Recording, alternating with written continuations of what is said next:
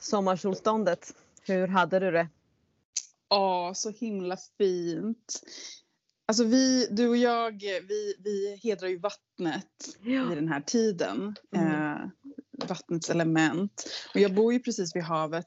Eh, så jag och mitt lilla, delar av mitt coven träffades nästan precis där jag bor, på stranden. Och, och gjorde en liten ceremoni vid vattnet och i vattnet. För det är också en sån tradition för mig i alla fall att man badar på sommarsolståndet. Liksom. Och det vet jag att man även gör i New Orleans voodoo. Jag vet inte om man gör det på Haiti men, eh, men i New Orleans så är det också en sån, eh, man liksom renar sig eh, på sommarsolståndet. Så det verkar liksom vara någonting lite mer än bara vår tradition.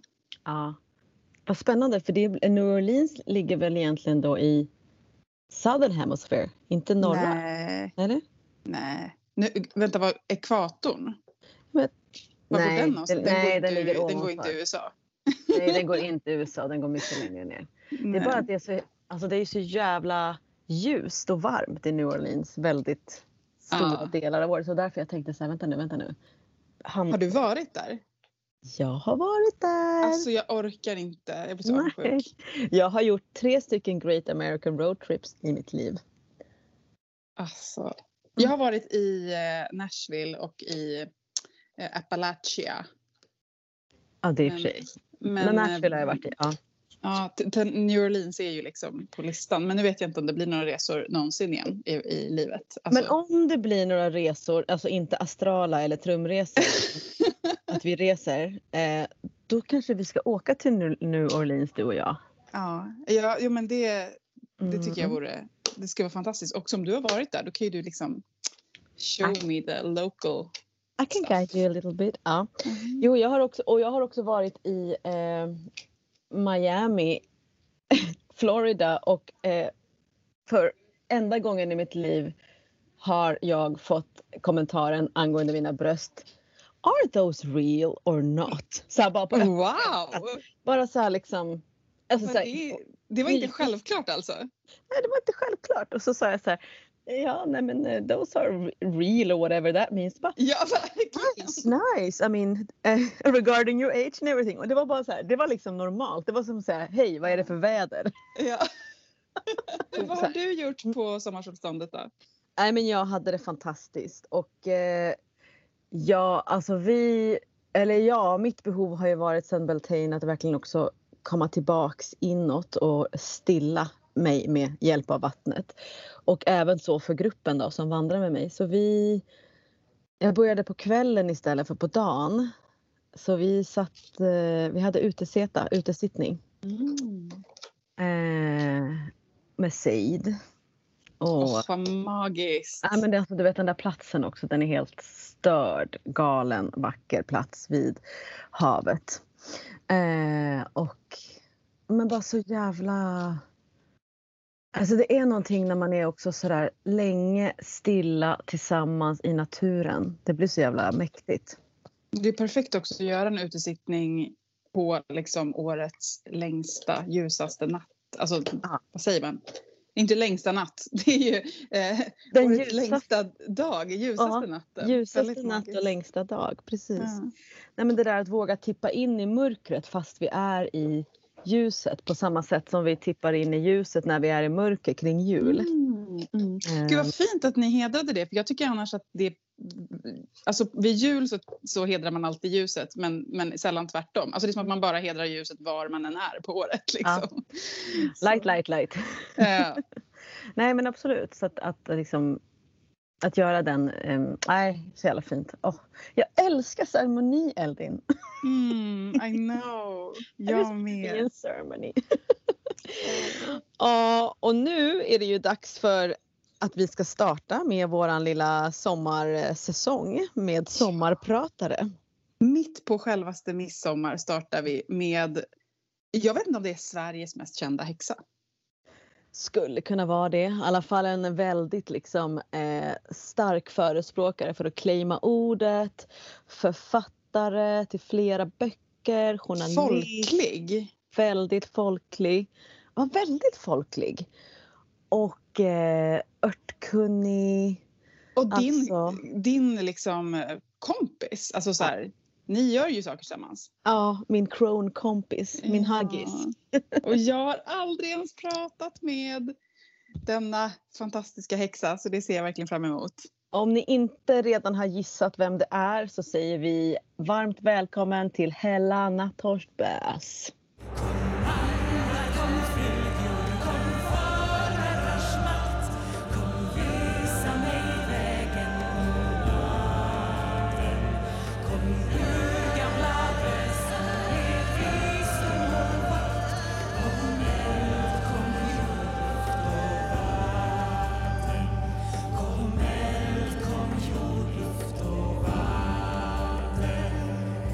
Välkommen Hella! Tack! Alltså hur fett är det inte att du är vår första sommarpratare på självaste midsommarafton? Oh, Och vilken ära att få bli inbjuden på denna magiska dag och afton. du passar så himla bra på den här eh, dagen känner jag också. Det är liksom som så här, rätt person på rätt dag. Ja, vad härligt. Ja, jag älskar midsommar själv. Jag är väl kanske egentligen en, en höstmänniska mer men alltså eh, att vara uppe hela midsommaraftonsnatten och, och plocka växter och så här, det säger jag ju inte nej till. Nej, Det blir liksom- nej. Sen, sen liksom häxans trädgård så förknippar man ju med dig väldigt mycket med just växter och örter. Liksom. Så det, det Ja. känns ju som att det, och midsommar är så mycket about that. Så, Ja, det är ju det. Det är den dag och natt på året när växtmagin är på max. Maxvolym. mm. Alltså, jag tänker så här för de som inte känner till dig eller dina böcker, vilket jag tänker att de flesta gör, men man ska aldrig vara säker, så har ju du skrivit fyra böcker. Häxans trädgård, Häxans hus, Häxans årstider och Häxans kokbok. Det stämmer. Och där, om man läser dem och ser dem så Först så är du ju så asgrym fotograf också. Men där ser man ju också att du är otroligt liksom, det är både folktro och det är örtmagi och det är historia och det är liksom feminism. Det är liksom allt jag någonsin kan begära av en människa. Gussigt! Gussigt! Det har liksom lyckats där. Eh, så att jag tänker, det skulle vara intressant att veta, för att jag menar också så här, du är ju inte så här, det, det här får man alltid tänka på när man spelar in att så här, de som inte känner dig vet ju inte heller hur, eh, hur liksom hur, hur gammal du är och, och det är inte intressant i, i, i det hela att prata om ålder. Men det är intressant att veta att du ändå skrev de här relativt sent i ditt liv, de här böckerna. Ja, Och hur kom det att de kom sent? Hade du haft dem inne i dig länge? Hur länge har du liksom definierat dig som, som witch och så vidare? Kan inte du bara prata lite? jo. Eh, Jag är då 56 år. En ung hagga, brukar jag kalla mig. Ehm, Och jag har försökt mig som journalist eh, sen jag var i 25-årsåldern. Eh, journalist och stylist. Eh, Och eh, hållit på med magi ungefär lika länge. Det var i den åldern som jag bestämde mig för att bli häxa att lära mig att använda magi lite mer seriöst. Om jag får kalla det seriöst. jag gör ju det men det är kanske inte alla som tycker det är seriöst. Eh, och eh, jag är, bru- brukar också kalla mig för stadsrotta för att jag är verkligen inte någon naturmänniska från början utan jag är uppväxt i, i Stockholms innerstad och har inte haft tillgång till trädgård förrän för eh, 13 år sedan var det väl som jag eh, fick tillgång till den trädgård också i, i Stockholms innerstad som jag, där jag nu odlar läkeväxter och har stadsvandringar och så med tema läkeväxter och häxprocesser. Eh, och eh, i och med att växter alltid har varit en viktig del av magi så har jag liksom blivit indragen i växtvärlden kan man säga av, av växterna själva genom magi. Jag har använt växter. Har det stått i en gammal bok som jag har läst att eh, man ska ha eh, eh johannesört i den här ritualen eller amuletten så har jag gått ut och plockat det och, och sen börjat läsa på om det. Sen skrev jag artiklar om läkeväxter, typ Bli din egen kloka gumma.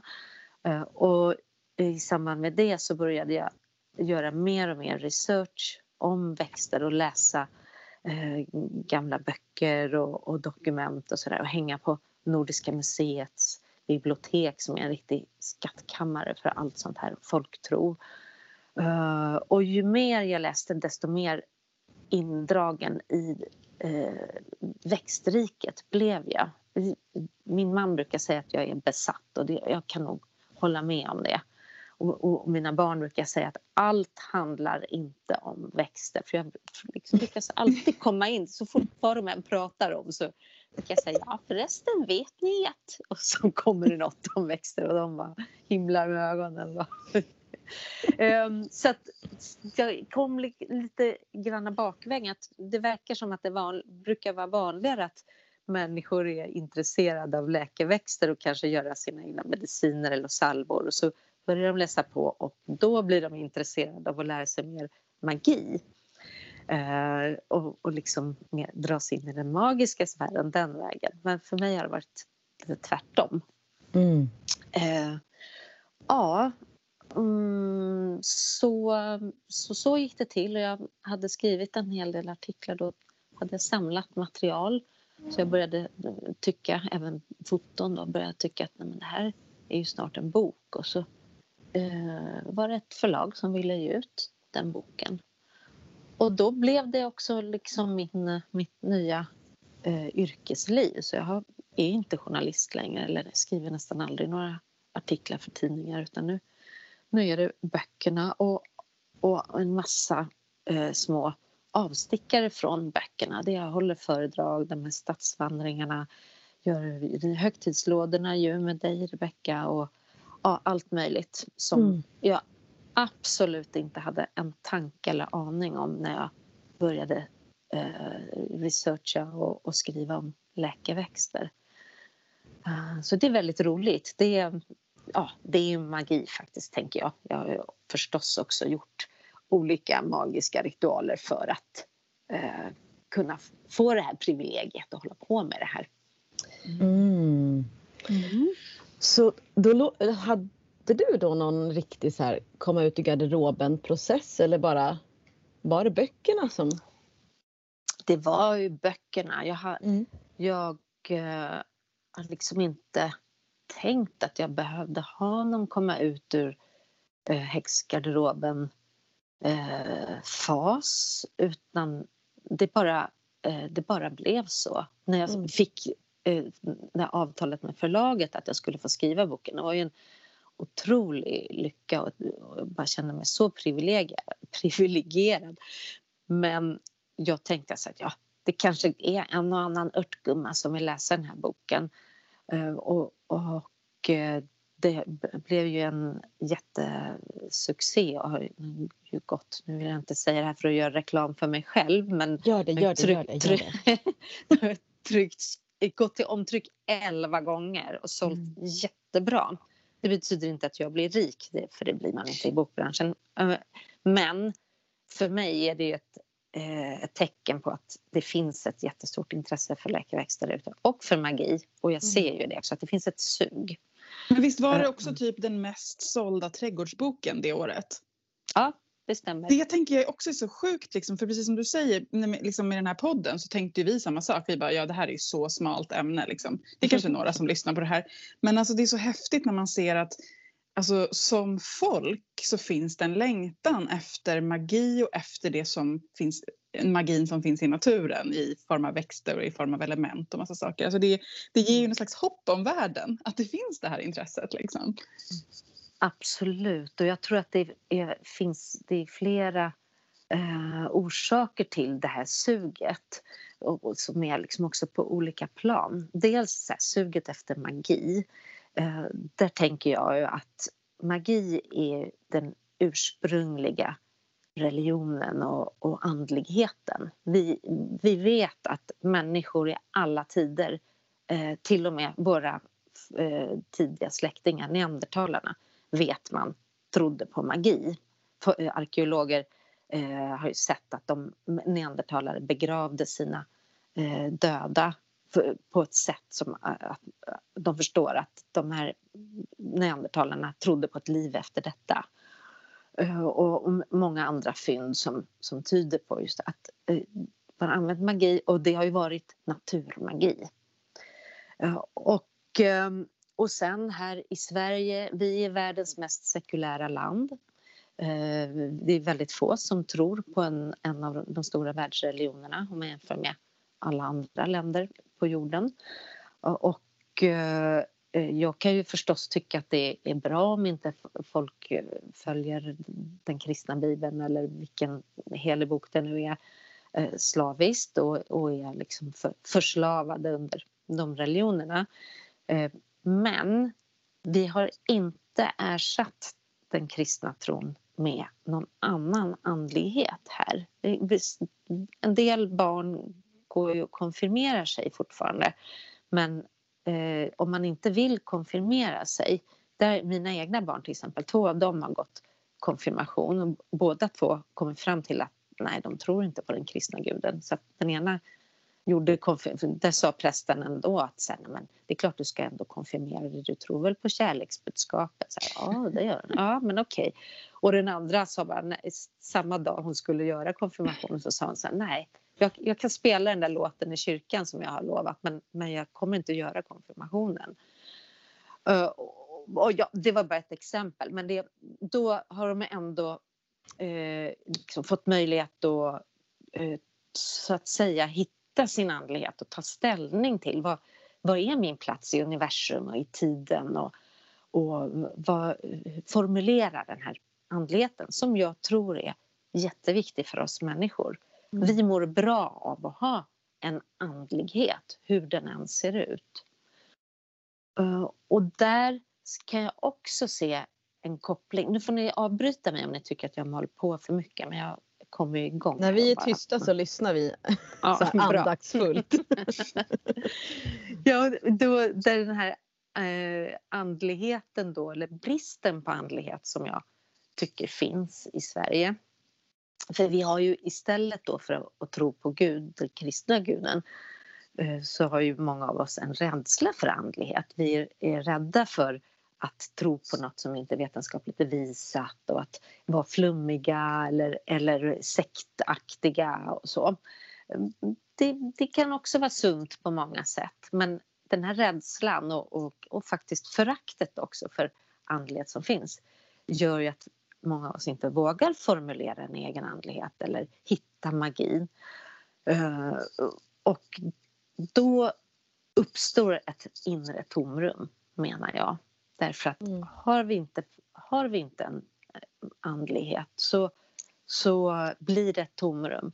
Och då vill vi undermedvetet fylla ut det där tomrummet med någonting annat. Och vad är det då? Jo, då är det, fyller vi ut det med eh, olika sorters eh, beroenden och missbruk. Allt från alkohol till sexmissbruk eller eh, konsumtion förstås, alltså att vi blir slavar under kapitalistiska systemet istället och, och bara ja, måste tjäna pengar så att vi kan köpa grejer och försöka fylla upp det här tomrummet, vilket ju aldrig kommer. Vi blir aldrig tillfredsställda genom att konsumera och inte konsumera snabba kickar heller utan det, eh, den här in, tomheten kan bara tillfredsställas eller fyllas upp av en andlighet. Bam! Alltså, bam! Det är ju verkligen bam och jag tänker på den här boken som kom ut förra sommaren, eh, Granskogsfolket. Hur mm. naturen mm. blev svenskarnas religion som är skriven av han den här uh, professorn David, David Turfjell. Turfjell ja. ja.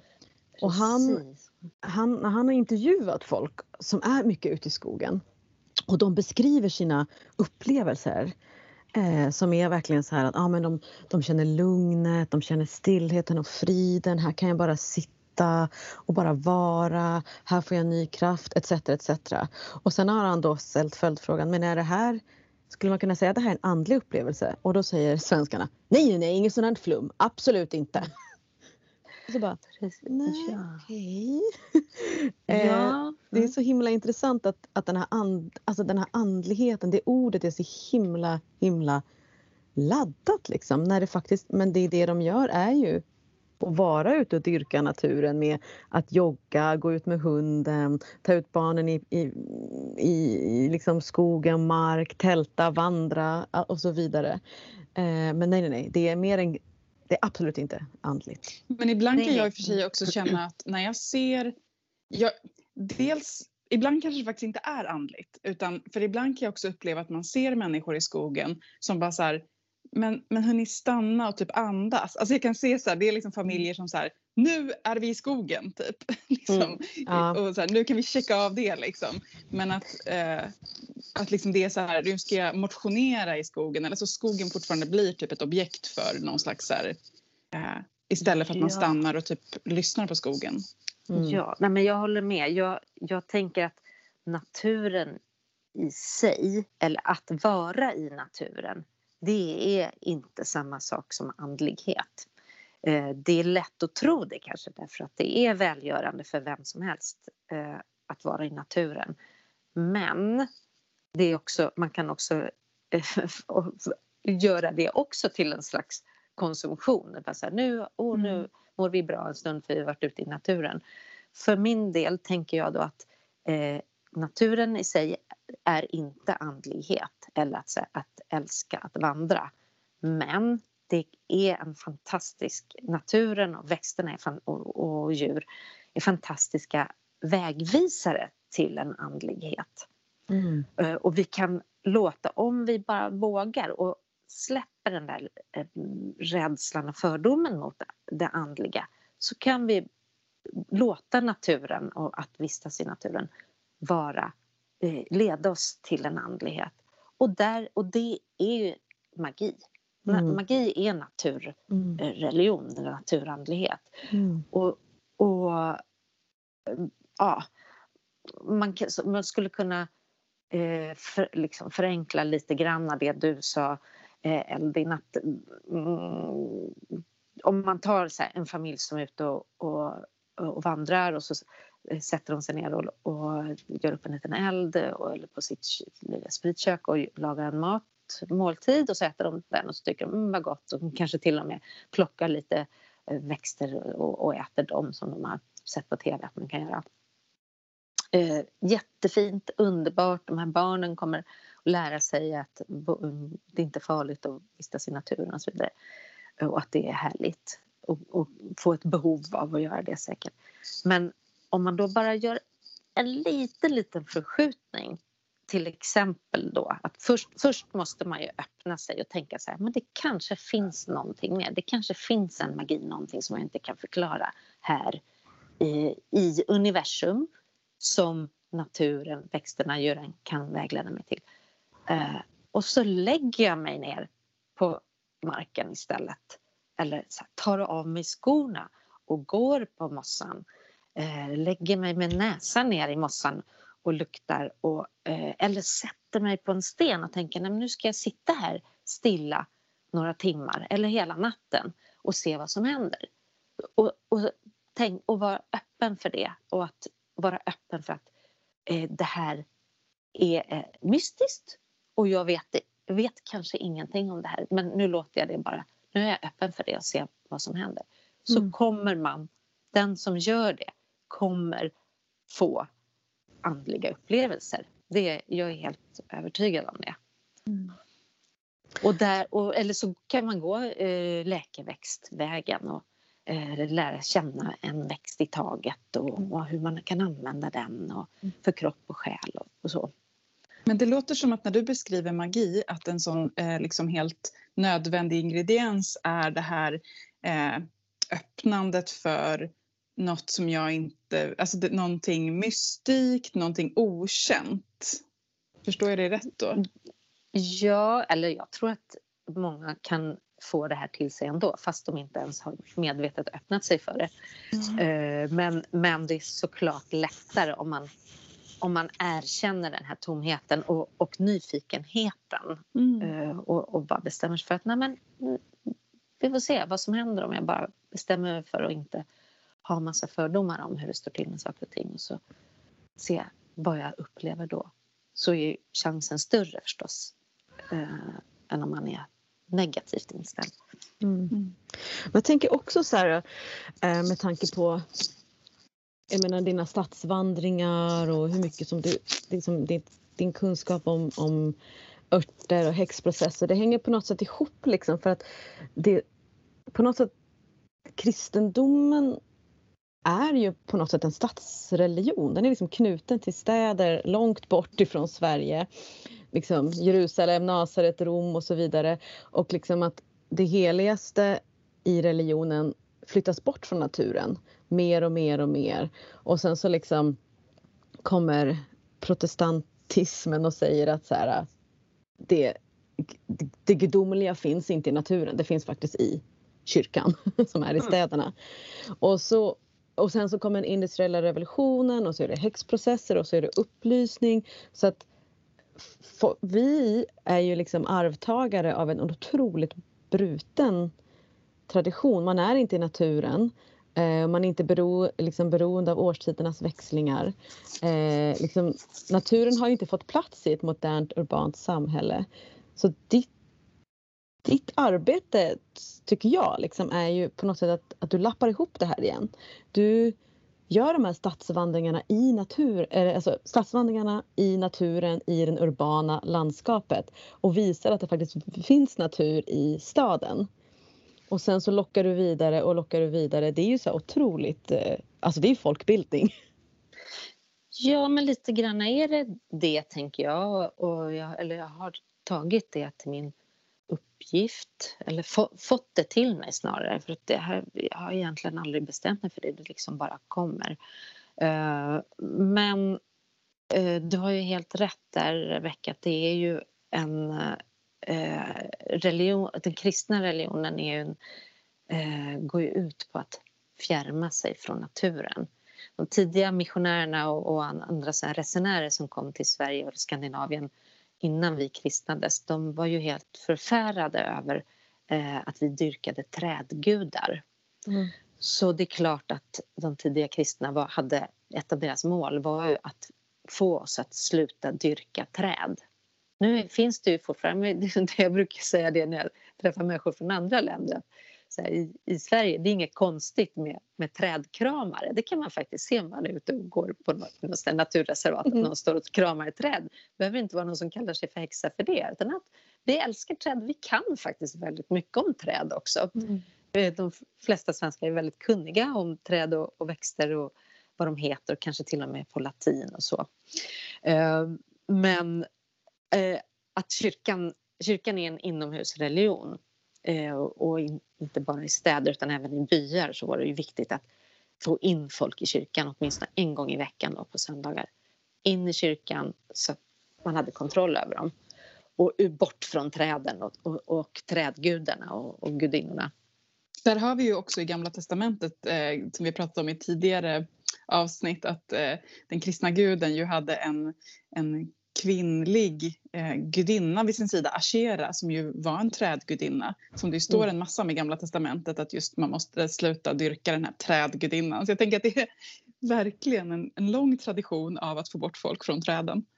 Ja, och, Ja. och bort från... Det, också hänger det ju naturen ihop med kroppen då. Man vill ju bort från, från eh, eh, att vara styrd av kroppen, av lustar och, och eh, ja, onaturliga då, eller okristna eh, kristna aktiviteter. Och där, eh, liksom, bort från naturen, bort från kroppen, in i, i, i boken och in i, i huset och under prästens övervakning.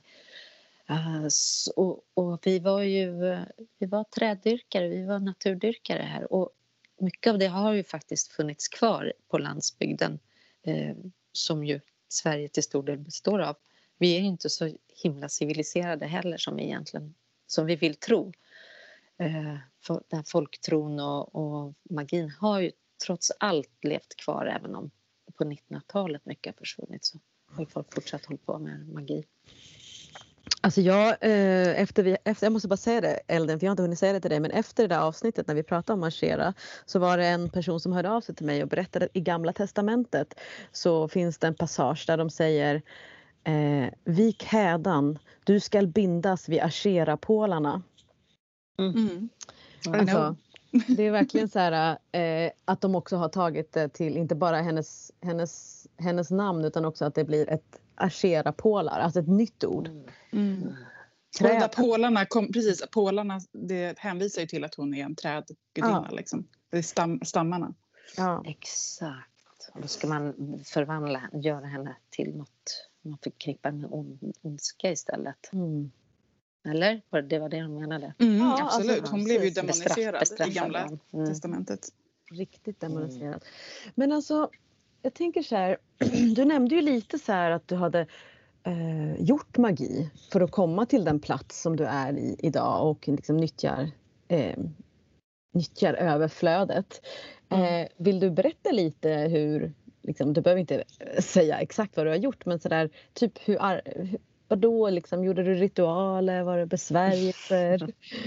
Hade du en trollstav? Men, Ja. Du jag tillsammans med andra? ja. ja eh, nej men jag...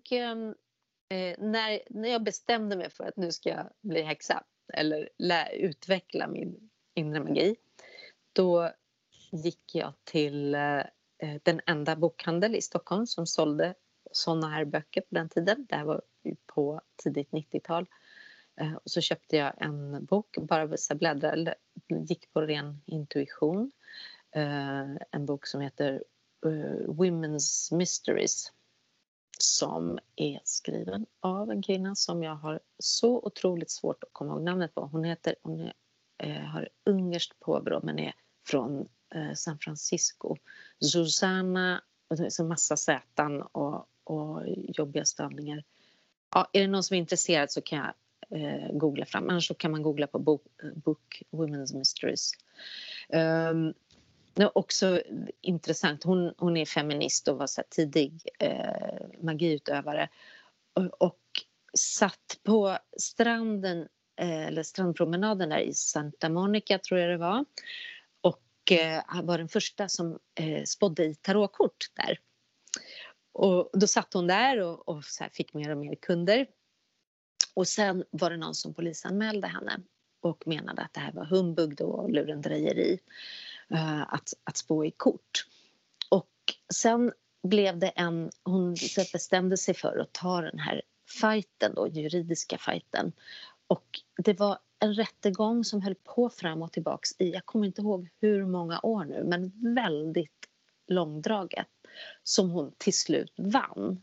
Så att nu, alla, åtminstone i Kalifornien, alla som spår i tarotkort, de har henne att tacka för att de får göra det och ta betalt för det också. Då. Och det här var på 70-talet så det är ju jättelänge sedan. Men hon har liksom breddat vägen för, för spådom i USA åtminstone. Hur som helst, den här boken, eh, jag läste den, jag var kär i en kille som jag tyckte inte riktigt, han var inte riktigt lika engagerad som jag önskade. Så jag eh, satte ihop en ritual, eh, liksom, tog lite olika tips i den här boken och så gjorde jag den här ritualen och sen så gav den väldigt snabbt och, och så otroligt konkret eh, resultat. Jag ska inte gå in på detaljerna här men det var bara så här wow okej. Okay. Ja, det var en tavlan på hans gamla tjej, eller foto på hans gamla tjej som satt uppe på väggen ramlade ner i huvudet på honom. Och eh, ja, vi blev ihop sen och det, det, det fun magin funkade. Men och jag blev också väldigt eh, rädd eller fick respekt för den för att det var bara så här, okej, okay, ja men det här funkar, men du får vara försiktig, du får aldrig göra något som kan skada andra och, och liksom eh, att jag måste lära mig mer och inte bara hålla på och, och, och göra det på skoj utan att faktiskt ta det på allvar. Mm. Så det var, en, det var en, en väldigt stark upplevelse.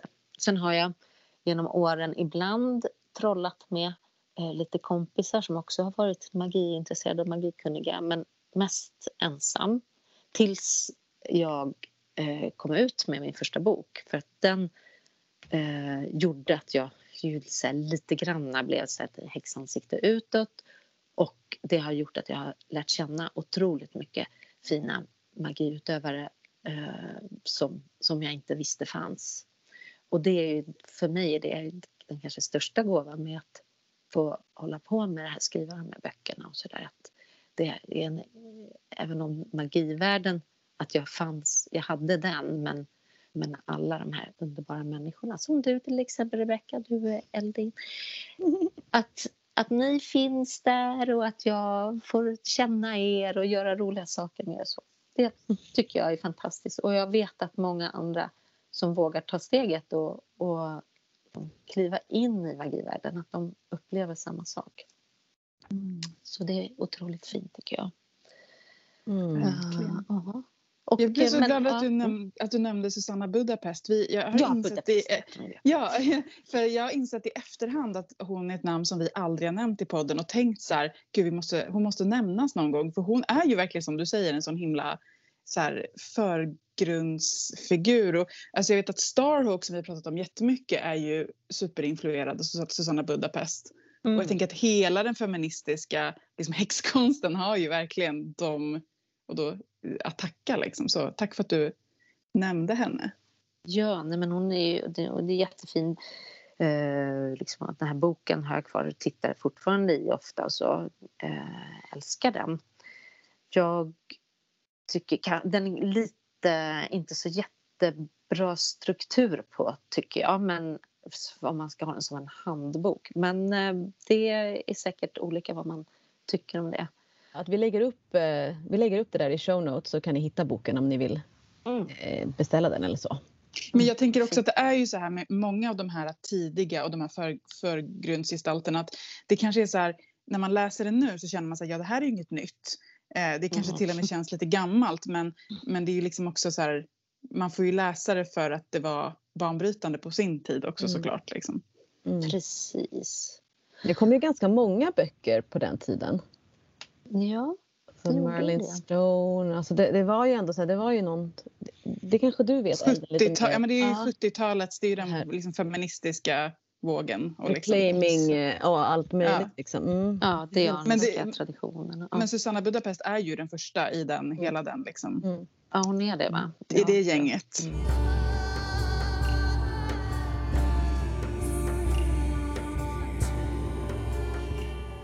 Men du Hella, en fråga som jag tycker är spännande är ju det här med begreppet häxa. Också i och med att det är det som liksom eh, är ordet som sammanväver dina böcker. Liksom. Att kalla sig häxa.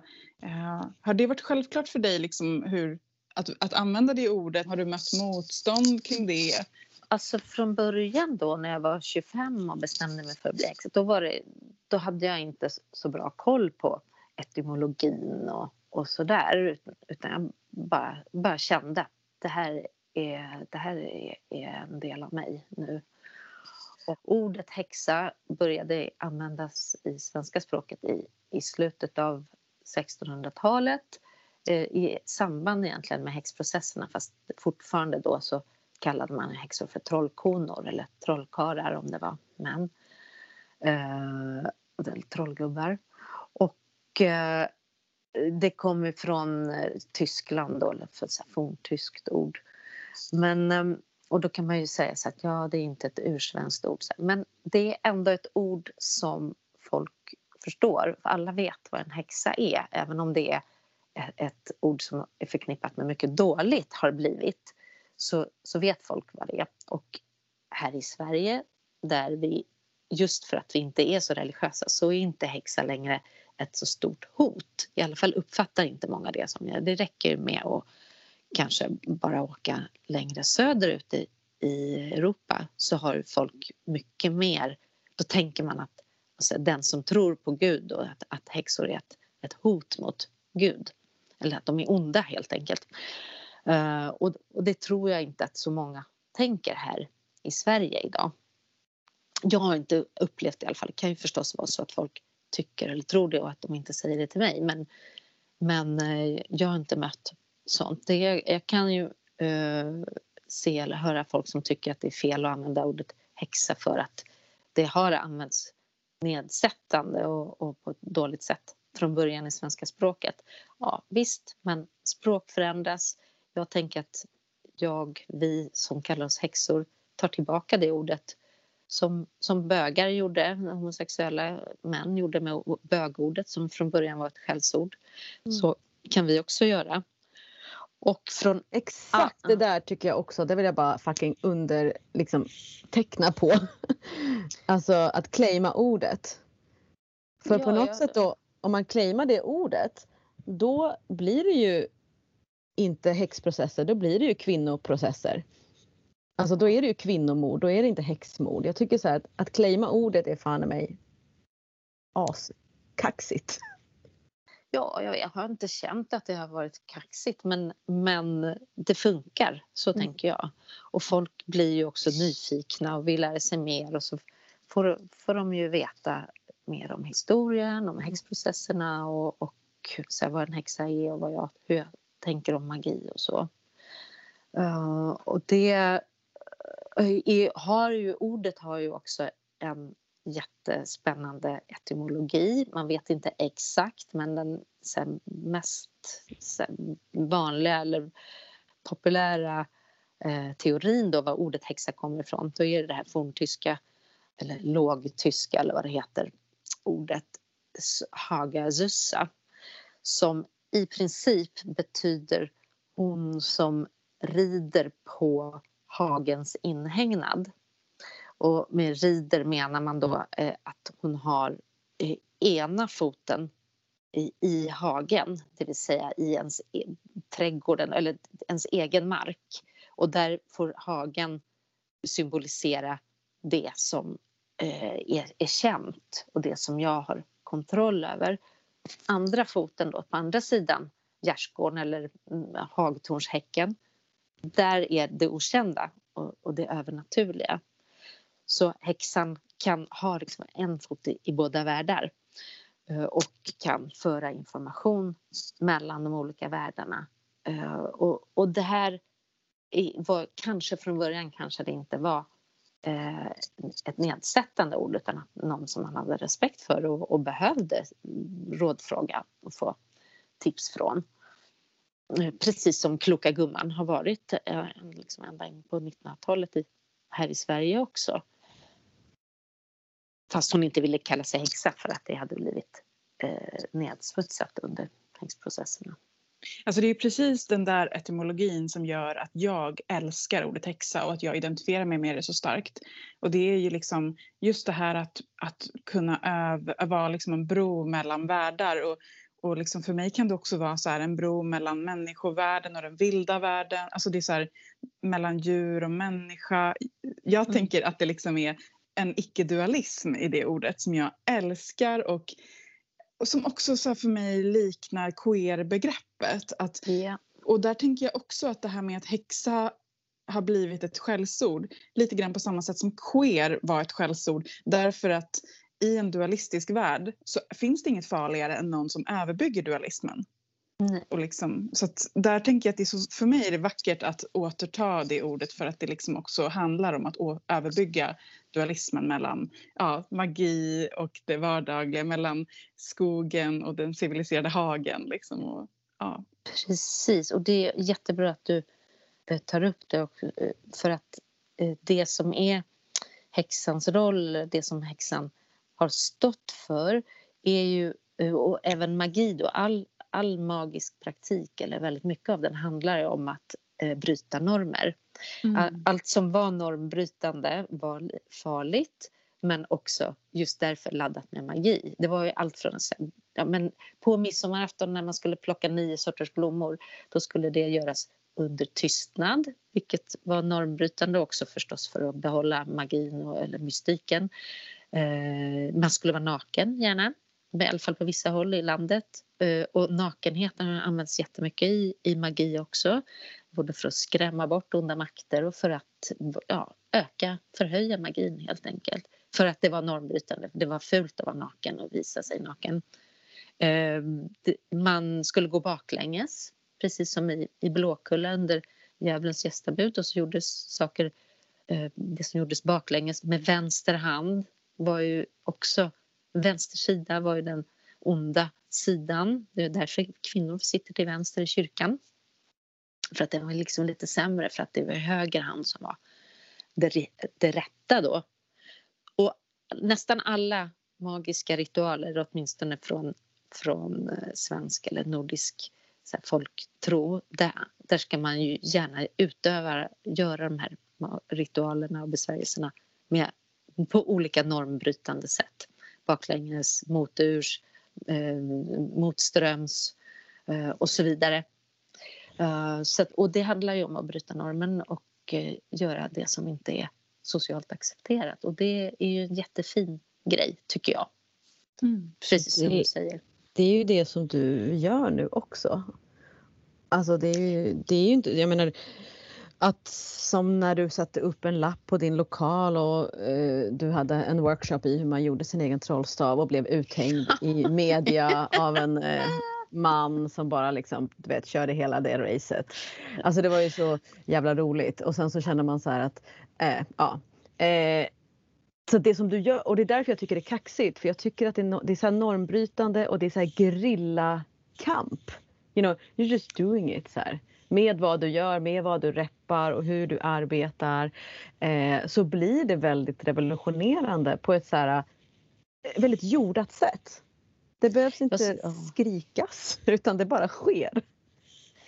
Ja, men det, jag, jag tänker ju inte själv att jag är, är modig eller att jag är så revolutionär på, på det sättet. Jag är inte, inte, det är inte farligt det jag gör. Det kan, kan hade varit farligt för 100 år sedan eller 300 år sedan eller i en annan del av världen där man fortfarande äh, avrättar häxor.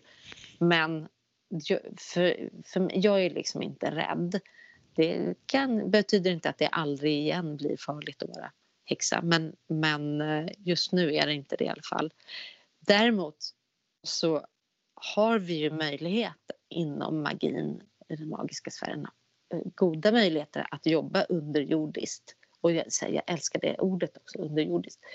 För att när det behövs, så när inte, när det inte räcker att jobba politiskt eh, eller de, de demokratiska vägarna ja, nej, men då får vi väl göra en besvärjelse då. Liksom. liksom. elda lite, eller vad vi nu gör. Mm. Och det gör vi ju, eller hur? Ja. Det pratade vi om också i vårt avsnitt om magisk aktivism, liksom, om just den här osynliga eh, mm. på, på natten. Liksom, man, man, gör demonstrationer och sen på natten så gör man en hemlig ceremoni som ingen vet om, mm. men den mm. gör verkan. Mm.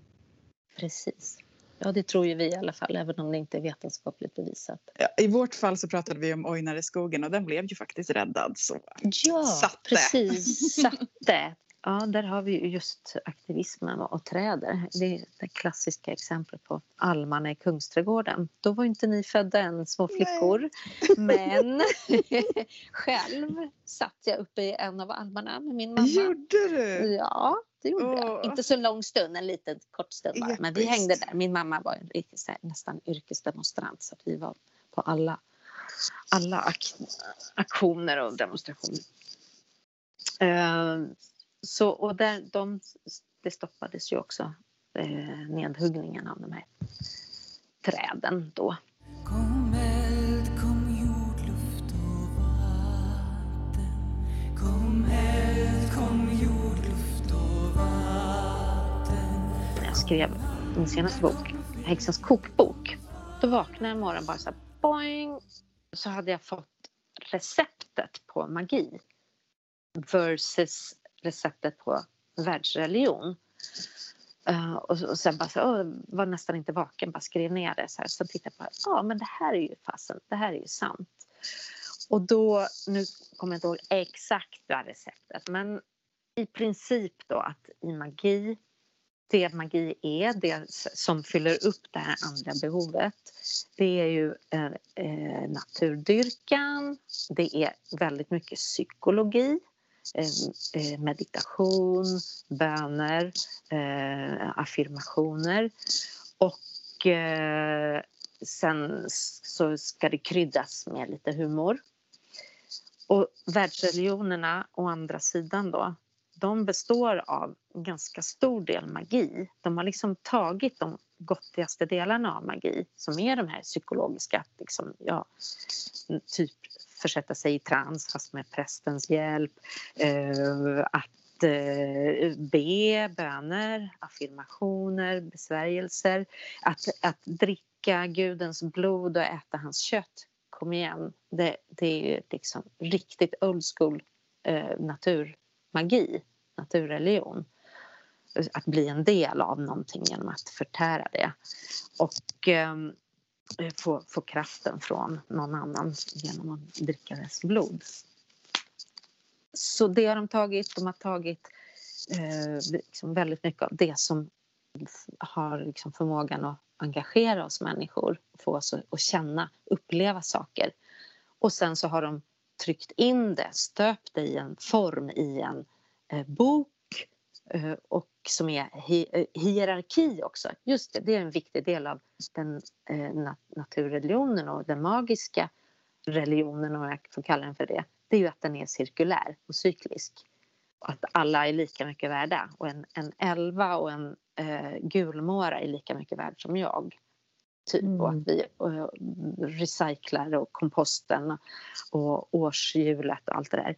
Medan i Medan de stora världsreligionerna, där har man ju gjort det till en eh, triangel istället, en hierarkisk form med präst, Gud överst och Jesus och sen prästen och sen eh, vanligt folk längst ner. Som, och, och så kryddar man den här grumliga sörjan med eh, misogyni och eh, rädsla, skam och skuld istället för att hålla folk liksom, fast i den här tron. Uh, och det...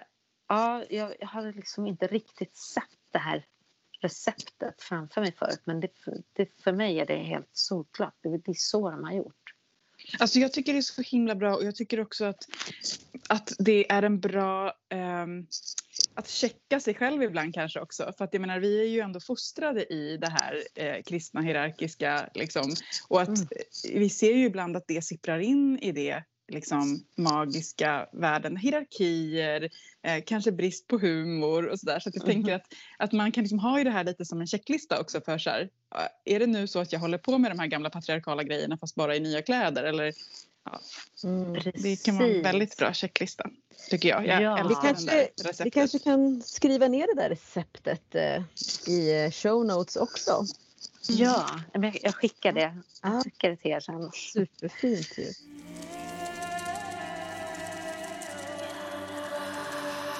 Det här avsnittet sänds på midsommar. Eh, det kanske är så här, i min drömvärld så är det så här eh, på muggla midsommar eh, att folk så här, eh, smyger ut, de, de äter lite sill, sen smyger de ut i köket och diskar tallrik och lyssnar så här, tio minuter till. Sen måste de gå tillbaka och hänga lite. Så att det är så här, att de lyssnar på självaste midsommar. Mm. Och då tänker jag så här, när de har avklarat eh, alla sociala eh, åtagelser och, och, och mat och, och, eventuellt dans runt stången och så vidare. Så tänker jag så här att de kommer vara så här, nu ska jag ägna mig åt mig själv och midsommarmagi. Så har vi några tips på örtmagi med midsommar eller någonting som de kan mm. göra? Det Säger du Hella? har vi. Eh, när jag har gjort research om just midsommar så finns det delade meningar om eh, midsommarstångens ursprung. De flesta etnologer menar att den är lånad från Tyskland på medeltiden. Eh, det finns liksom inga bevis för att vi har haft en midsommarstång här eh, sen urminnes tider och, och och eh, inte heller att den då skulle symbolisera en penis eller eh, eh, ja, vad man nu menar. Men att maja, majstång är ett annat ord för midsommarstången. Och att maja har, det vet man att människor har gjort i alla tider. Det finns ju på gamla hällristningar till exempel så kan man se lövträd och så och, och hittat i gamla gravar rester från det. Så, och, och det att maja betyder att smycka någonting med löv. Och det är precis det man gör med en midsommarstång.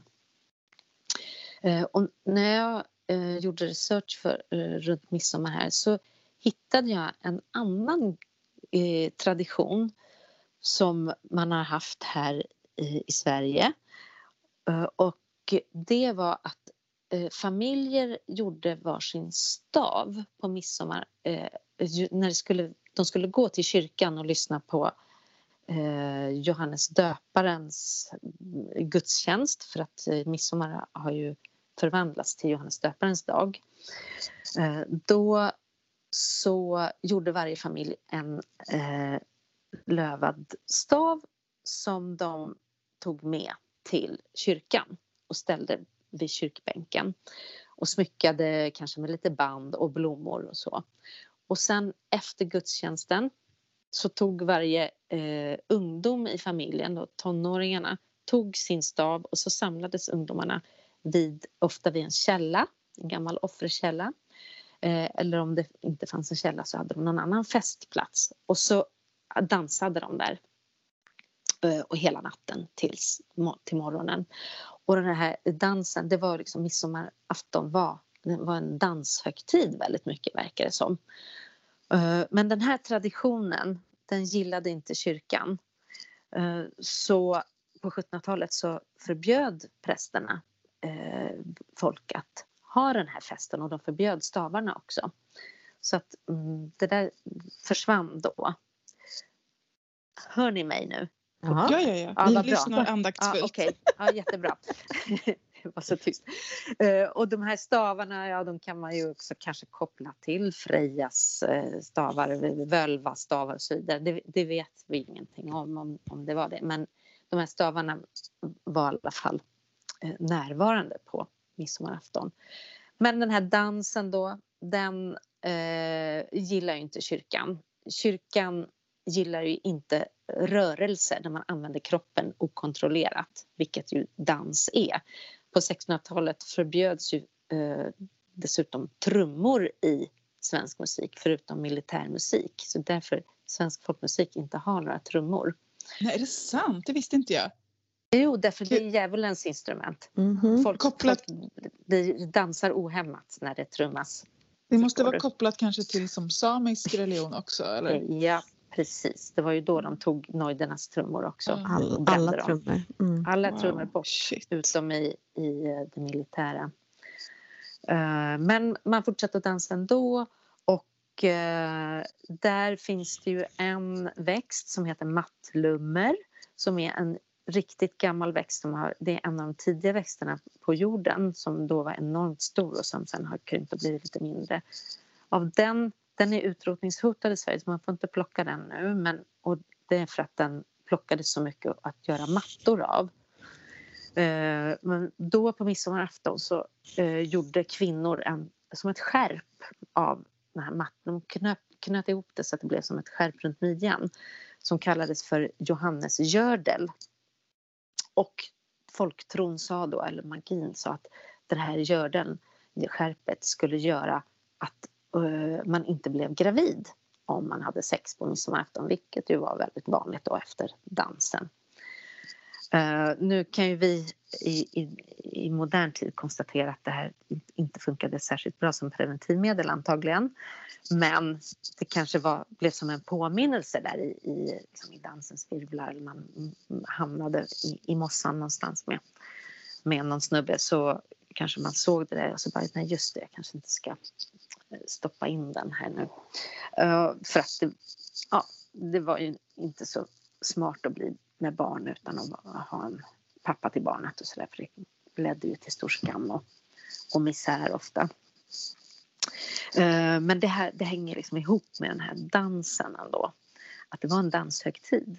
Och det eh, togs ju, liksom, det försökte ju kyrkan få bort. Och vi, det finns ju kvar idag men idag är det ju små grodorna runt midsommarstången och det är ju liksom mer en familj eller en barndanstillställning. Så man, kyrkan lyckades ju ändå få bort det här mer ja, rituella fruktbarhetsdansandet. Och som jag hängde ihop då med de här stavarna också. Uh, och tydligen var det inte bara de här stavarna utan att även eh, byns kvinnor gick till kyrkan på miss, på eh, midsommaraftons morgon och smyckade hela kyrkan med lövkvistar eh, kvistar och, och blommor. Och det gillade de inte heller så det, nej, det försvann också på 1700-talet.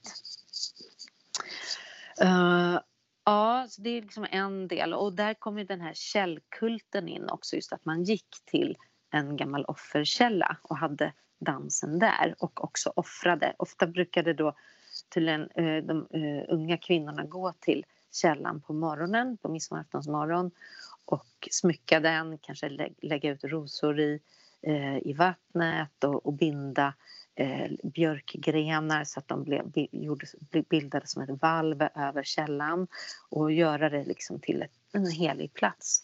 Och så kunde de slänga mynt eller nålar var ju en vanlig grej att offra också. Det skulle vara något av metall och då var en nål kanske vad man hade råd med.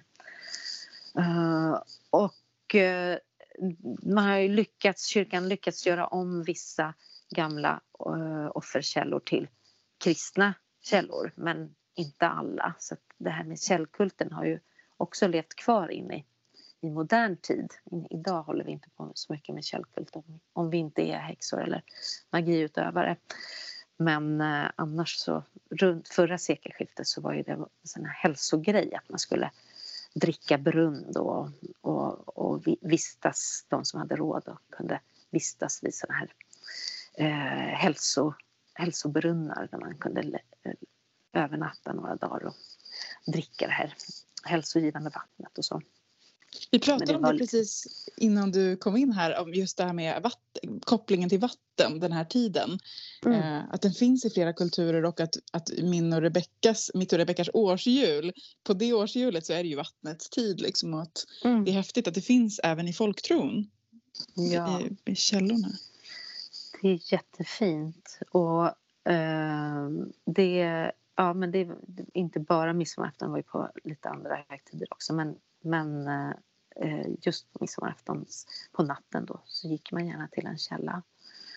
Eh, och, eh, men annars var ju midsommarafton och, och natten speciellt då, det var liksom växtmagins eh, dag nummer ett. Och de som var kloka gummor och gubbar, de var ute hela natten och plockade växter som skulle användas eh, hela året sen eh, magiskt och ja, i, i mediciner.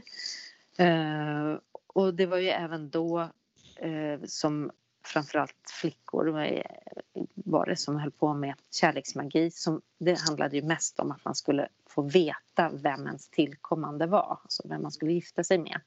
Och det kunde man få svar på då på midsommaraftons, äh, eh, midsommaraftonsnatten. Uh, eh, på, genom olika magiska ritualer. Där de plockar nio sorters blommor, på en del håll sju sorters blommor var ju det kanske vanligaste eh, ritualen som faktiskt kanske är en av de få magiska eh, ritualer som lever kvar än i, i, idag händer att kanske framförallt tjejer eh, plockar blommor och lägger under kudden. Fast idag kanske det inte är riktigt lika intressant eller viktigt att veta vem man ska gifta sig med. Det kan man se på Tinder eller kanske spå, spå i kort istället.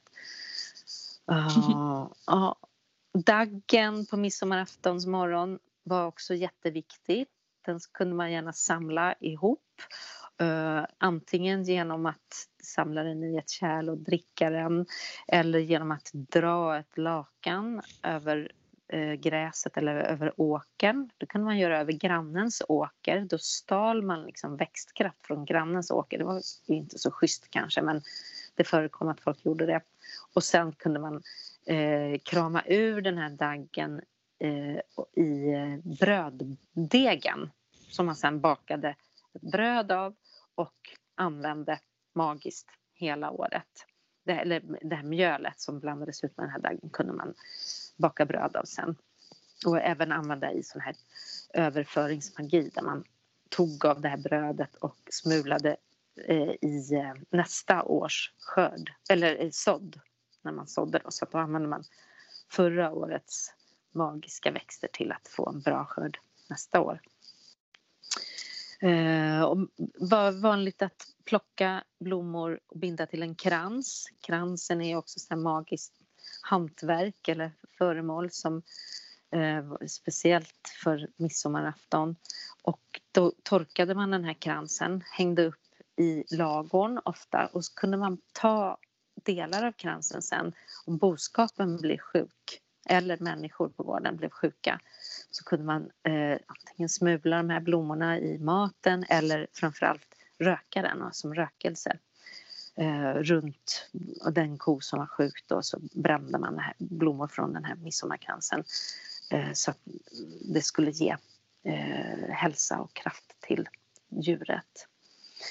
Och, eh, och så finns det vissa växter som är speciellt förknippade med midsommarafton då, så extra magiska växter. Och då är kanske den som har eh, historiskt sett setts som mest magisk eh, på midsommarafton är eh, kanske lite otippat ormbunkar. Och mm. då trodde man att ormbunkarna blommade på mitt på natten då klockan 12, mellan klockan 12 och 1 på natten eh, på midsommarafton. Och då skulle man kunna, om man gick ut i skogen, eh, kanske till ett speciellt ställe, så kunde man få se den här eh, ormbunken blomma och den skulle ha en väldigt fantastiskt vacker blomma och så. Det har de ju inte men det var vad folktron sa. Eller eh, har de? Eller har de? da, da, da. Kanske att gå och kolla i, i år. Uh, och, och sen direkt efter blomningen så gick den här blomman i frö och då gällde det att plocka upp, samla upp de här fröna, helst innan de föll till marken. Och de fröna var super, super magiska. De kunde man använda, bära i en amulett för att kunna göra sig osynlig. Eh, på vissa håll så menade man att de här fröna kunde göra den som samlade in fröna och, och bar dem eh, fick liksom all, all världens visdom. Eh, så det var så här klo, klokpiller. Eh, ja, så det var ormbunken. Eh, en annan midsommarväxt eh, är johannesört och det hör man ju på namnet också då. Johannesört är en, en spännande växt som har använts väldigt länge inom folkmedicin och magi eh, långt innan vi kristnades. Det finns väldigt många namn på den i, i, liksom, i, i dialekter. Mannablod till exempel. Den fäller ju ut en, en rödblå vätska när man eh, gnider kronbladen, knopparna mellan fingrarna. Eh, och då kopplade man det här till, just till blod och till blödande sår och, och också till Johannes döparen då så småningom. Men där är intressant, det var en artikel som eh, jag läste bara häromdagen som handlade om att eh, vi håller på att förlora dialekter och eh, gamla ord. Att det går väldigt snabbt också att vi förlorar mycket av eh, Eh, det gamla folk, folkspråket. Och då förlorar man också mycket kunskap, till exempel om växter därför att de har haft namn som anspelar på vad de har använts till. Eh, så att även om man kanske aldrig hade använt johannesört så om man fick gå ut i skogen då eller på ängen med eh, sin äldre släkting som kunde mycket om läkeväxter så berättade hon att så, ja, men den här, här har vi mannablod. Ja, då kommer man ihåg att blod. Så här, mm. Eller djävulsflykt har den också kallats. Eh, och, och djävulsflykt det, det antyder att man använder johannesört för att driva, fördriva djävulen. Och eh, ja, det betyder dels att man trodde att den skyddade mot onda andar men framförallt att man har använt den Eh, för att bota depression. För förr trodde man att den som var deprimerad eller hade psykisk ohälsa var besatt av djävulen, av onda makter. Och johannesört är ju antidepressiv. Så då kan man liksom lära sig av namnet att, eh, vad man använder växten till också. Och det här, men de här namnen försvinner mer och mer. Det är färre och färre som känner till dem för att vi inte har så mycket kunskap om läkeväxter längre. Även om fler och fler vill ta upp den kunskapen igen. Så när vi tappar namnen så tappar vi också en del av kunskapen. Eh, men där kan vi kanske göra en liten insats då genom att liksom hålla de här namnen vid liv.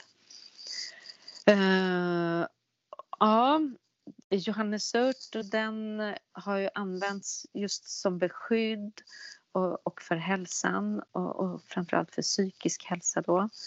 Eh, en annan sån växt som också eh, har haft väldigt mycket olika namn i olika dialekter det är gulmåra.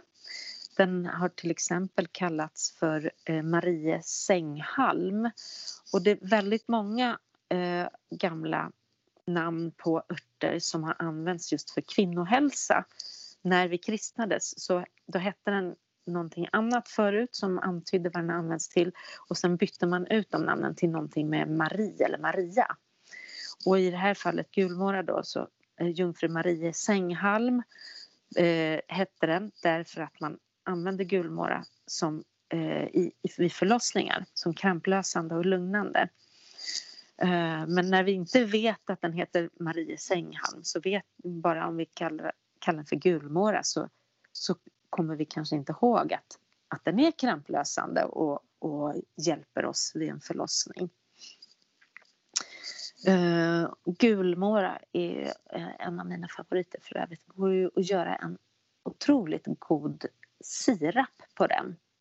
Och man, det kan man ju göra då på midsommarafton kanske som en liten magisk uh, ett elixir och plocka gulmåra, lägga i sockerlag och så låta den stå svalt i två, tre dagar och sen sila bort de här gula fantastiskt honungsdoftande blommorna så får man en sirap som verkligen smakar blommor. Den kan man ju ha på desserter eller göra drinkar av och så, sen. Helt underbart ljuvlig. Uh, vänta, vänta, vänta, vänta, uh, vänta, ja. vänta, Står det hur de använder gulmåran vid förlossning? Finns det liksom eh, beskrivet? Jag det, använder ju ja. inte det i mina örtblandningar men jag skulle ju väldigt gärna vilja göra det för att jag vet inte om man kan ha det i ångning på grund av att det är så mycket blommor men de kanske gjorde sittbad eller vet man någonting? Mm. Nej, vet, vet, vet, vet. Ja, nej, jag, jag, tyvärr vet jag inte det men nej, jag kan jag kolla efter det. Ja. Mm. Alltså, du kan och då, kan, så mycket. Och då, kan kanske du, och då kanske du ska söka på, du kan ju googla och kolla. Ibland hittar man ju just när man söker på de här gamla namnen. Marie Sänghalm. Googla på det och se vad du hittar. Eller gå till Nordiska museet och till deras bibliotek för där kan man ju söka på sånt. Mm. Eller på Gulmåra. Uh, så, så kan du säkert hitta någonting. Kanske Carl von Linné har skrivit något i sina böcker. Men om jag ser det så ska jag hojta till. Ladies bedstraw. Ja, nej men absolut. Nej men jag kan, alltså jag känner att jag känner att jag kan också göra någonting för det här. Du, du, du, jag känner också så att kan inte du, kan inte du bara liksom skapa någon slags så här midsommartradition där man får komma sig och lägga i gräset och lyssna på den här rösten när du pratar så här? Eller vad säger du Eldin? det är där, alltså jag tror aldrig vi har varit så här tysta i något Nej. avsnitt någonsin. Aldrig. Vi är helt du Hella bara så här, är ni kvar? ja, man vet aldrig. Men jag pratar lugnande inte min grej riktigt dock. Jag, jag kan inte prata lugnande för den som ska... Jag, nej, men jag känner mig mer... Jag, jag blir så eh, i gasen, känner jag. Nej, Bara babblar. Jättehärligt att höra på, höra på det här. Får jag säga en växt till bara? Ja, det, det, är så härligt att det bara en växt till. En, växt till. en växt, snälla. Ja. Eh, nej men då vill jag bara nämna pion. Den har, tycker jag är lite bortglömd men det har jag hittat när jag har gjort research. Att den är också en supermagisk växt och som också förknippas just med midsommarafton. Där trodde man, precis som med eh, ormbunken då, att på natten så skimrar pionens frön väldigt vackert tydligen. Jag har inte sett det själv men eh, gå ut och kolla. Och den skulle skydda mot tandvärk, det var ett stort problem förr. Eh, och beskydda och, och liksom stärka både kropp och ande. Och, och den trodde man kom från månen, alltså att pionen hade växt på månen och, och, landat på jorden och skulle vara speciellt bra för att bota den som var mångalen men även beskydda trädgården och eh, ge skydd mot ondsinta älvor. Och älvor, som ni kanske vet, så är ju de särskilt aktiva just på midsommarafton också. Eh, och då gäller det att se upp. Det är ju lite det här också med, med olika väsen då, att det är ofta så att man ska akta sig för dem. Och det kanske eh, är för att man har så att säga använt eller laddat väsen med olika eh, farliga egenskaper för att just människor behövde vara försiktiga med olika saker, både barn och vuxna. Eh, men jag tänker då att ja, en sån klassisk grej som älvor sägs bli arga för är om man kissar på dem eller kissar på deras domäner och att man därför alltid ska be innan man sätter sig och kissar i, i skogen be älvorna om lov eller fråga sig är det okej okay att jag kissar här så slipper man drabbas av deras hämnd som ofta är olika hudproblem, eksem och sånt, älvablåst. Eh, kan vara annat också de gör som hämnd. Men man har ju också trott att eh, eh älvor är Eh, de, de, är inte kanske de mest sexuellt laddade väsena. Det är mer skogsråt då, men även eh, älvor, även andra eh, naturväsen troddes vara särskilt aktiva på midsommarnatten. Och där var ju skogsrån till exempel, men även Näcken. Och där tänkte jag komma till min fråga till er. Ah. Näcken vet ni, han, han eh, hade ju sålt... Eh, nu börjar jag om där. Eh, Näcken, han var ju en naken det hör man ju på ordet, han var naken, satt i älven eller i floden eller eh, bäcken och spelade på sin fiol. Och det gjorde han också särskilt mycket på midsommarafton. Eh, och eh, det här spelandet, här får vi igen kopplingen till musik och dans. Att, eh, att vara otroligt duktig på att spela, spela musik eller sjunga Eh, men framförallt spela. Det kunde också kopplas till djävulen, att man hade sålt sin själ till djävulen. Det sades ju om en del fantastiskt skickliga spelemän att de hade sålt sin själ till djävulen och att då var de väldigt duktiga på att spela så att folk blev som förtrollade eh, och det brukade också då sluta sa man med att den här spelmannen blev galen eller ja, gick ner sig i, i, i sjön eller vad det nu kunde vara. Och Näcken var ju då, han var ju inte en vanlig spelman utan han var ju ett väsen eh, som lockade till sig folk, speciellt kvinnor, eh, med sitt spelande. Och eh, eh fick dem att gå ut i älven då och, eh, och drunkna. Så det var ju liksom en, eh, ett sätt att eh, skydda män, människor, framförallt kvinnor, mot att drunkna i älven. Men då undrar jag om ni går i skogen och hör den här fantastiskt vackra musiken, fiolmusiken från en älv med, med, gärna med lite fors eller kanske ett vattenfall. Skulle ni då gå ut och låta er bli introllade av Näckens musik? Eller vad skulle ni göra? Ja, ja, 100 procent. Ja, ja, ja. jag är sån som så här, kommer det liksom en sån här fairy ring av, eh, av liksom svamp i skogen, jag är den första att bara så här, hoppa rakt in i den och bara please, please, please take me.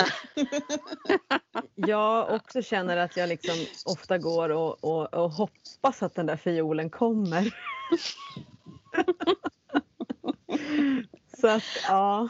ja. Jag tror jag har liksom längtat sedan jag var barn efter mm. att få vara det där barnet i sagorna som så här råkar trilla in i fairy, bli liksom spirited away. Och, och även från Äppelkriget, kommer ni ihåg den filmen? Hasse ja. Ja. ja. Mm. Där är det ju Näcken, han lurar ju iväg någon av de så onda kapitalisterna.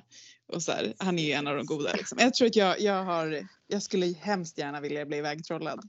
Mm. Av Näcken eller något annat väsen. Mm. här, kan man ju nu, här är det bara att göra fritt fram för häxprank. Exakt! Här är några, tre stycken som kommer komma väldigt snabbt. Men kommer du det Hella? Motfråga till dig liksom. Ja, det är sant. Ja, alltså jag, jag har själv spelat fiol när jag var liten. Jag vet hur jävla svårt det är. Så att jag har stor respekt för de som är duktiga på det. Och eh, det är klart att jag vill lyssna mer på, på sån musik. Uh, jag, jag, tänker också att, att, att, vi kan säga det, att vi gärna skulle bli ivägtrollade av Näcken. Uh, att vi kan kosta på oss det därför att vi är otroligt privilegierade. Vi sitter här idag, vi är inte rädda för trolldom. Eh, inte så rädda i alla fall. Och eh, eh vi kan önska, vi, vi har en önskan om att känna, att uppleva magi. Det är liksom inte ett hot mot vår existens. Det är tvärtom en hjälp. Och så var det inte förr, utan där var ju, handlade magin väldigt mycket om att beskydda sig från ondska. Uh, och vi, vi, vi, har det så tryggt idag om man jämför så att vi kan kosta på oss att längta efter att bli mm. spirited away.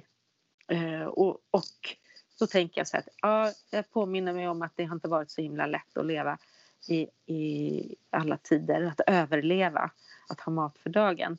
Men vi har det, vi kan kosta på oss att njuta av magin och, eh, och, och längtan efter, efter trolldom och efter växtmagi. Efter, vi kan också njuta av semester på sommaren. Det är en, en stor skillnad mot för För var ju sommaren årets mest arbetsintensiva årstid. Mm. Plus att man inte hade, det var som tomt i förråden. Det är därför midsommar aldrig har blivit någon stor mathögtid för det fanns typ ingen mat. Man har inte kunnat skörda än och det, år, förra årets mat var uppäten. Så att hela sommaren var, det var en svältperiod samtidigt som man måste jobba väldigt hårt i alla dygnets ljusa timmar med eh, odling och, och, och slotter och sånt där. Så eh, just midsommarafton var där var det som ett litet glapp mellan sådd och skörd där man kunde kosta på sig att vara lite ledig en kväll uh, och, och njuta av det. Men medan här för oss så är midsommarafton mer en, en början på semestern. För, för, inte för alla, men för många av oss. Uh, så det är lite lättare att njuta för, av, för oss. Jag har faktiskt läst att just sill och potatis, för färskpotatisen kunde komma till midsommar om man odlade ja, tidigt. Så att sällan i och för sig, men ja. Ja, men att den, att den kunde komma eh, i, eh, vad blir det då, ungefär från södra Norrland och neråt så skulle den kunna komma till midsommar. Eh, och då, men då fanns det bara sill och potatis och det var det som, mm. det var det som man åt liksom. Ja, och det är oftast var det salt sill då från förra ja. året eller från i vintras kanske. Inte currysill. Nej, inte currysill. Nej, nej, ja, men vi får verkligen ta till oss det och bara så här, ja. ta, liksom lite tacksamhet, lite ja, medvetenhet om vilka privilegier vi har. Tack till alla de som har förföräldrar som har kämpat för de privilegier mm. vi kan mm. njuta av idag. Mm. Mm. Semester för vissa av oss och ja, i alla fall lite mindre slit kanske.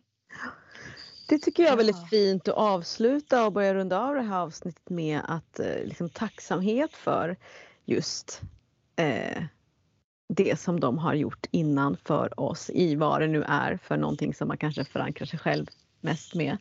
Eh. Och gå in i den här härliga midsommarmagin i, i tacksamhet. Ja, över i tacksamhet. Är, mm, över vart du är just nu och var du är på väg och kanske liksom eh, ta din tid och, fokus, och bara, bara vara i den tacksamheten den här magiska natten.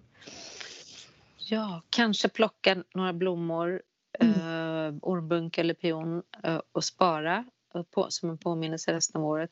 Mm. Och fira med sill, potatis och dans, tänker jag. Ja, vilket recept! Och är man crone på Patreon så har ju faktiskt jag och Ruby också gjort en liten midsommarceremoni man får ta mm. del av där. Mm. Och vet du vad, vet du vad? Eh, jag har inte sagt det till dig Eldin men jag lyckades ju faktiskt bjuda in Olof också som var våran gäst i avsnitt 11 att vara med på den midsommarceremonin. Oh, bonus ja. alltså? Bonus får man också. Och apropå eh, Patreons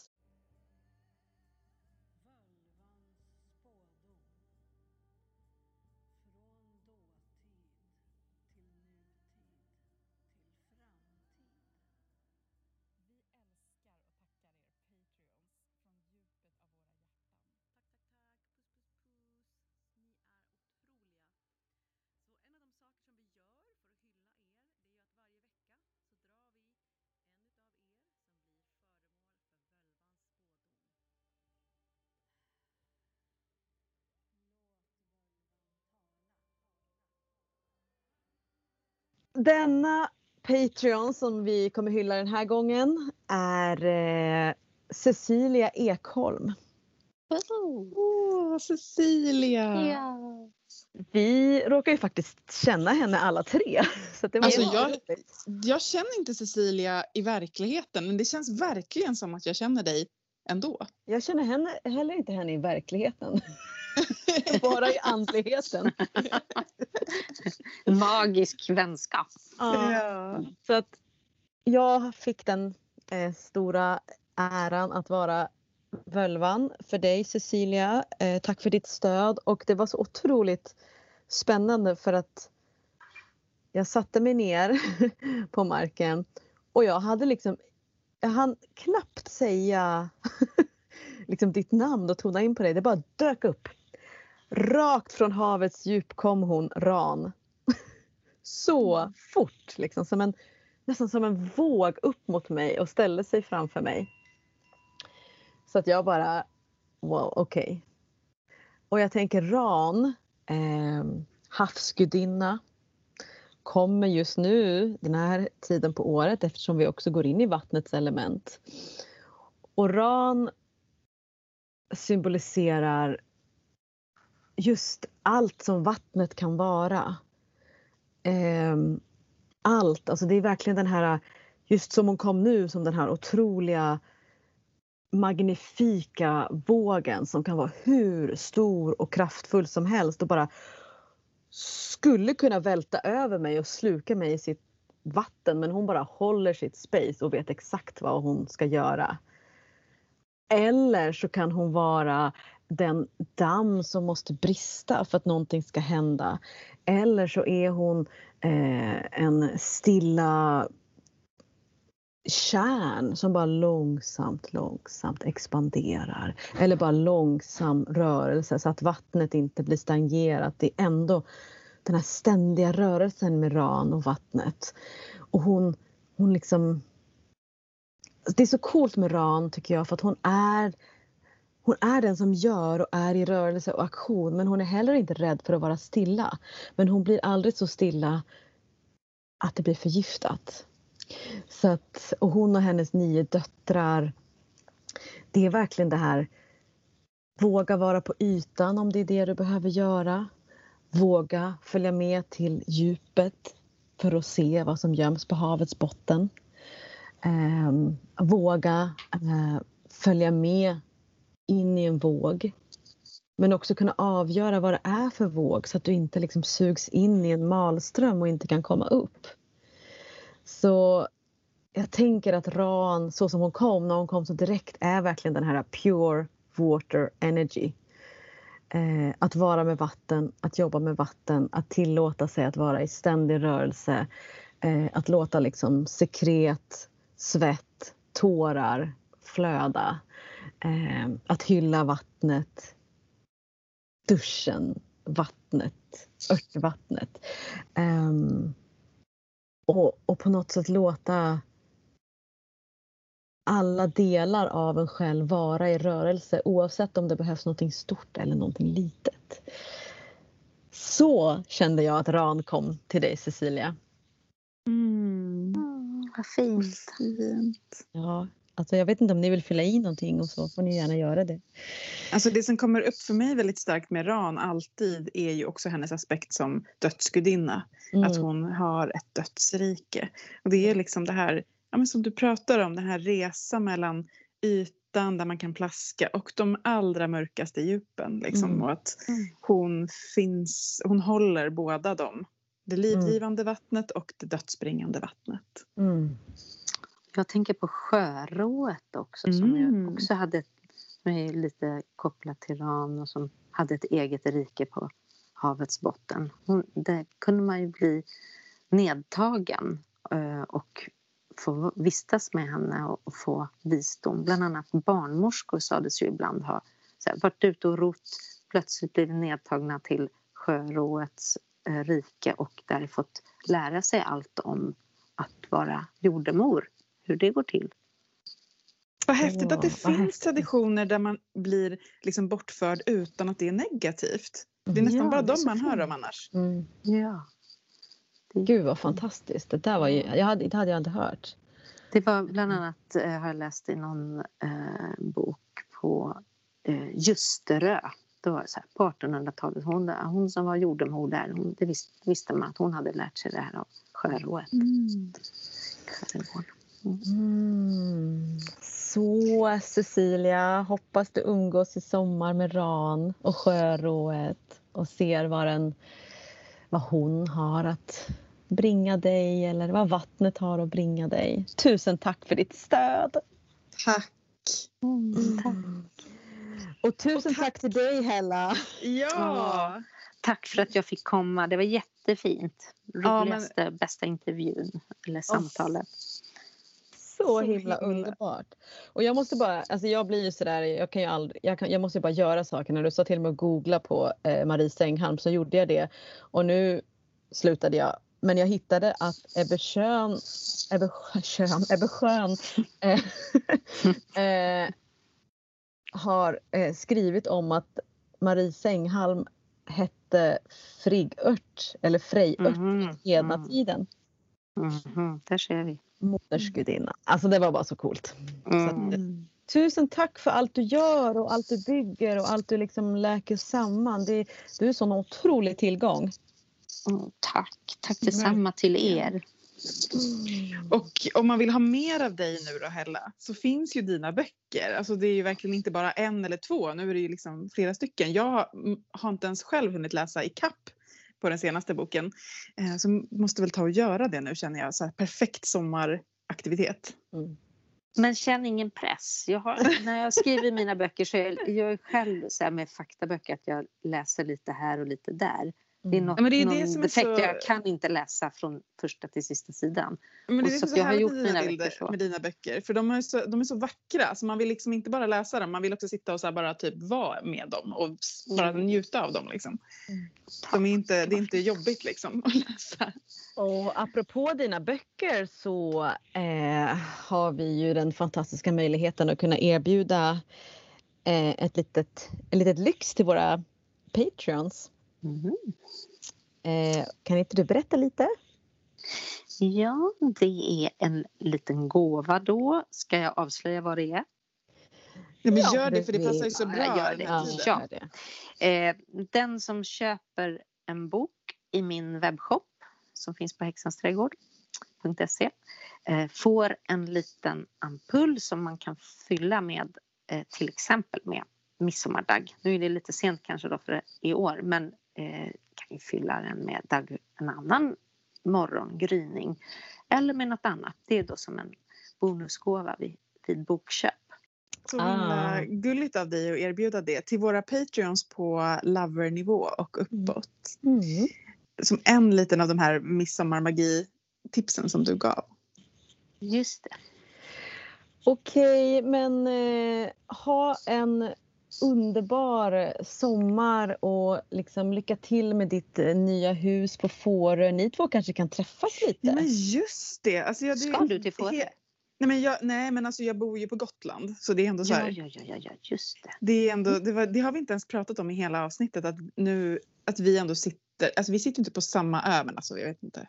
Det, det, är typ samma Var på Gotland är du? Jag är i Visby.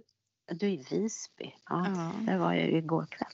Ja, men, ja, men ni, ni, kanske kan få till det, tänker jag. Ja. Men vad härligt att och Gotland har en häxa här nu också mm. till. En till. Ja. ja, det vimlar av oss här. Det gör det verkligen. Stor kärlek, evig kärlek. Eh, Ut och midsommartrolla.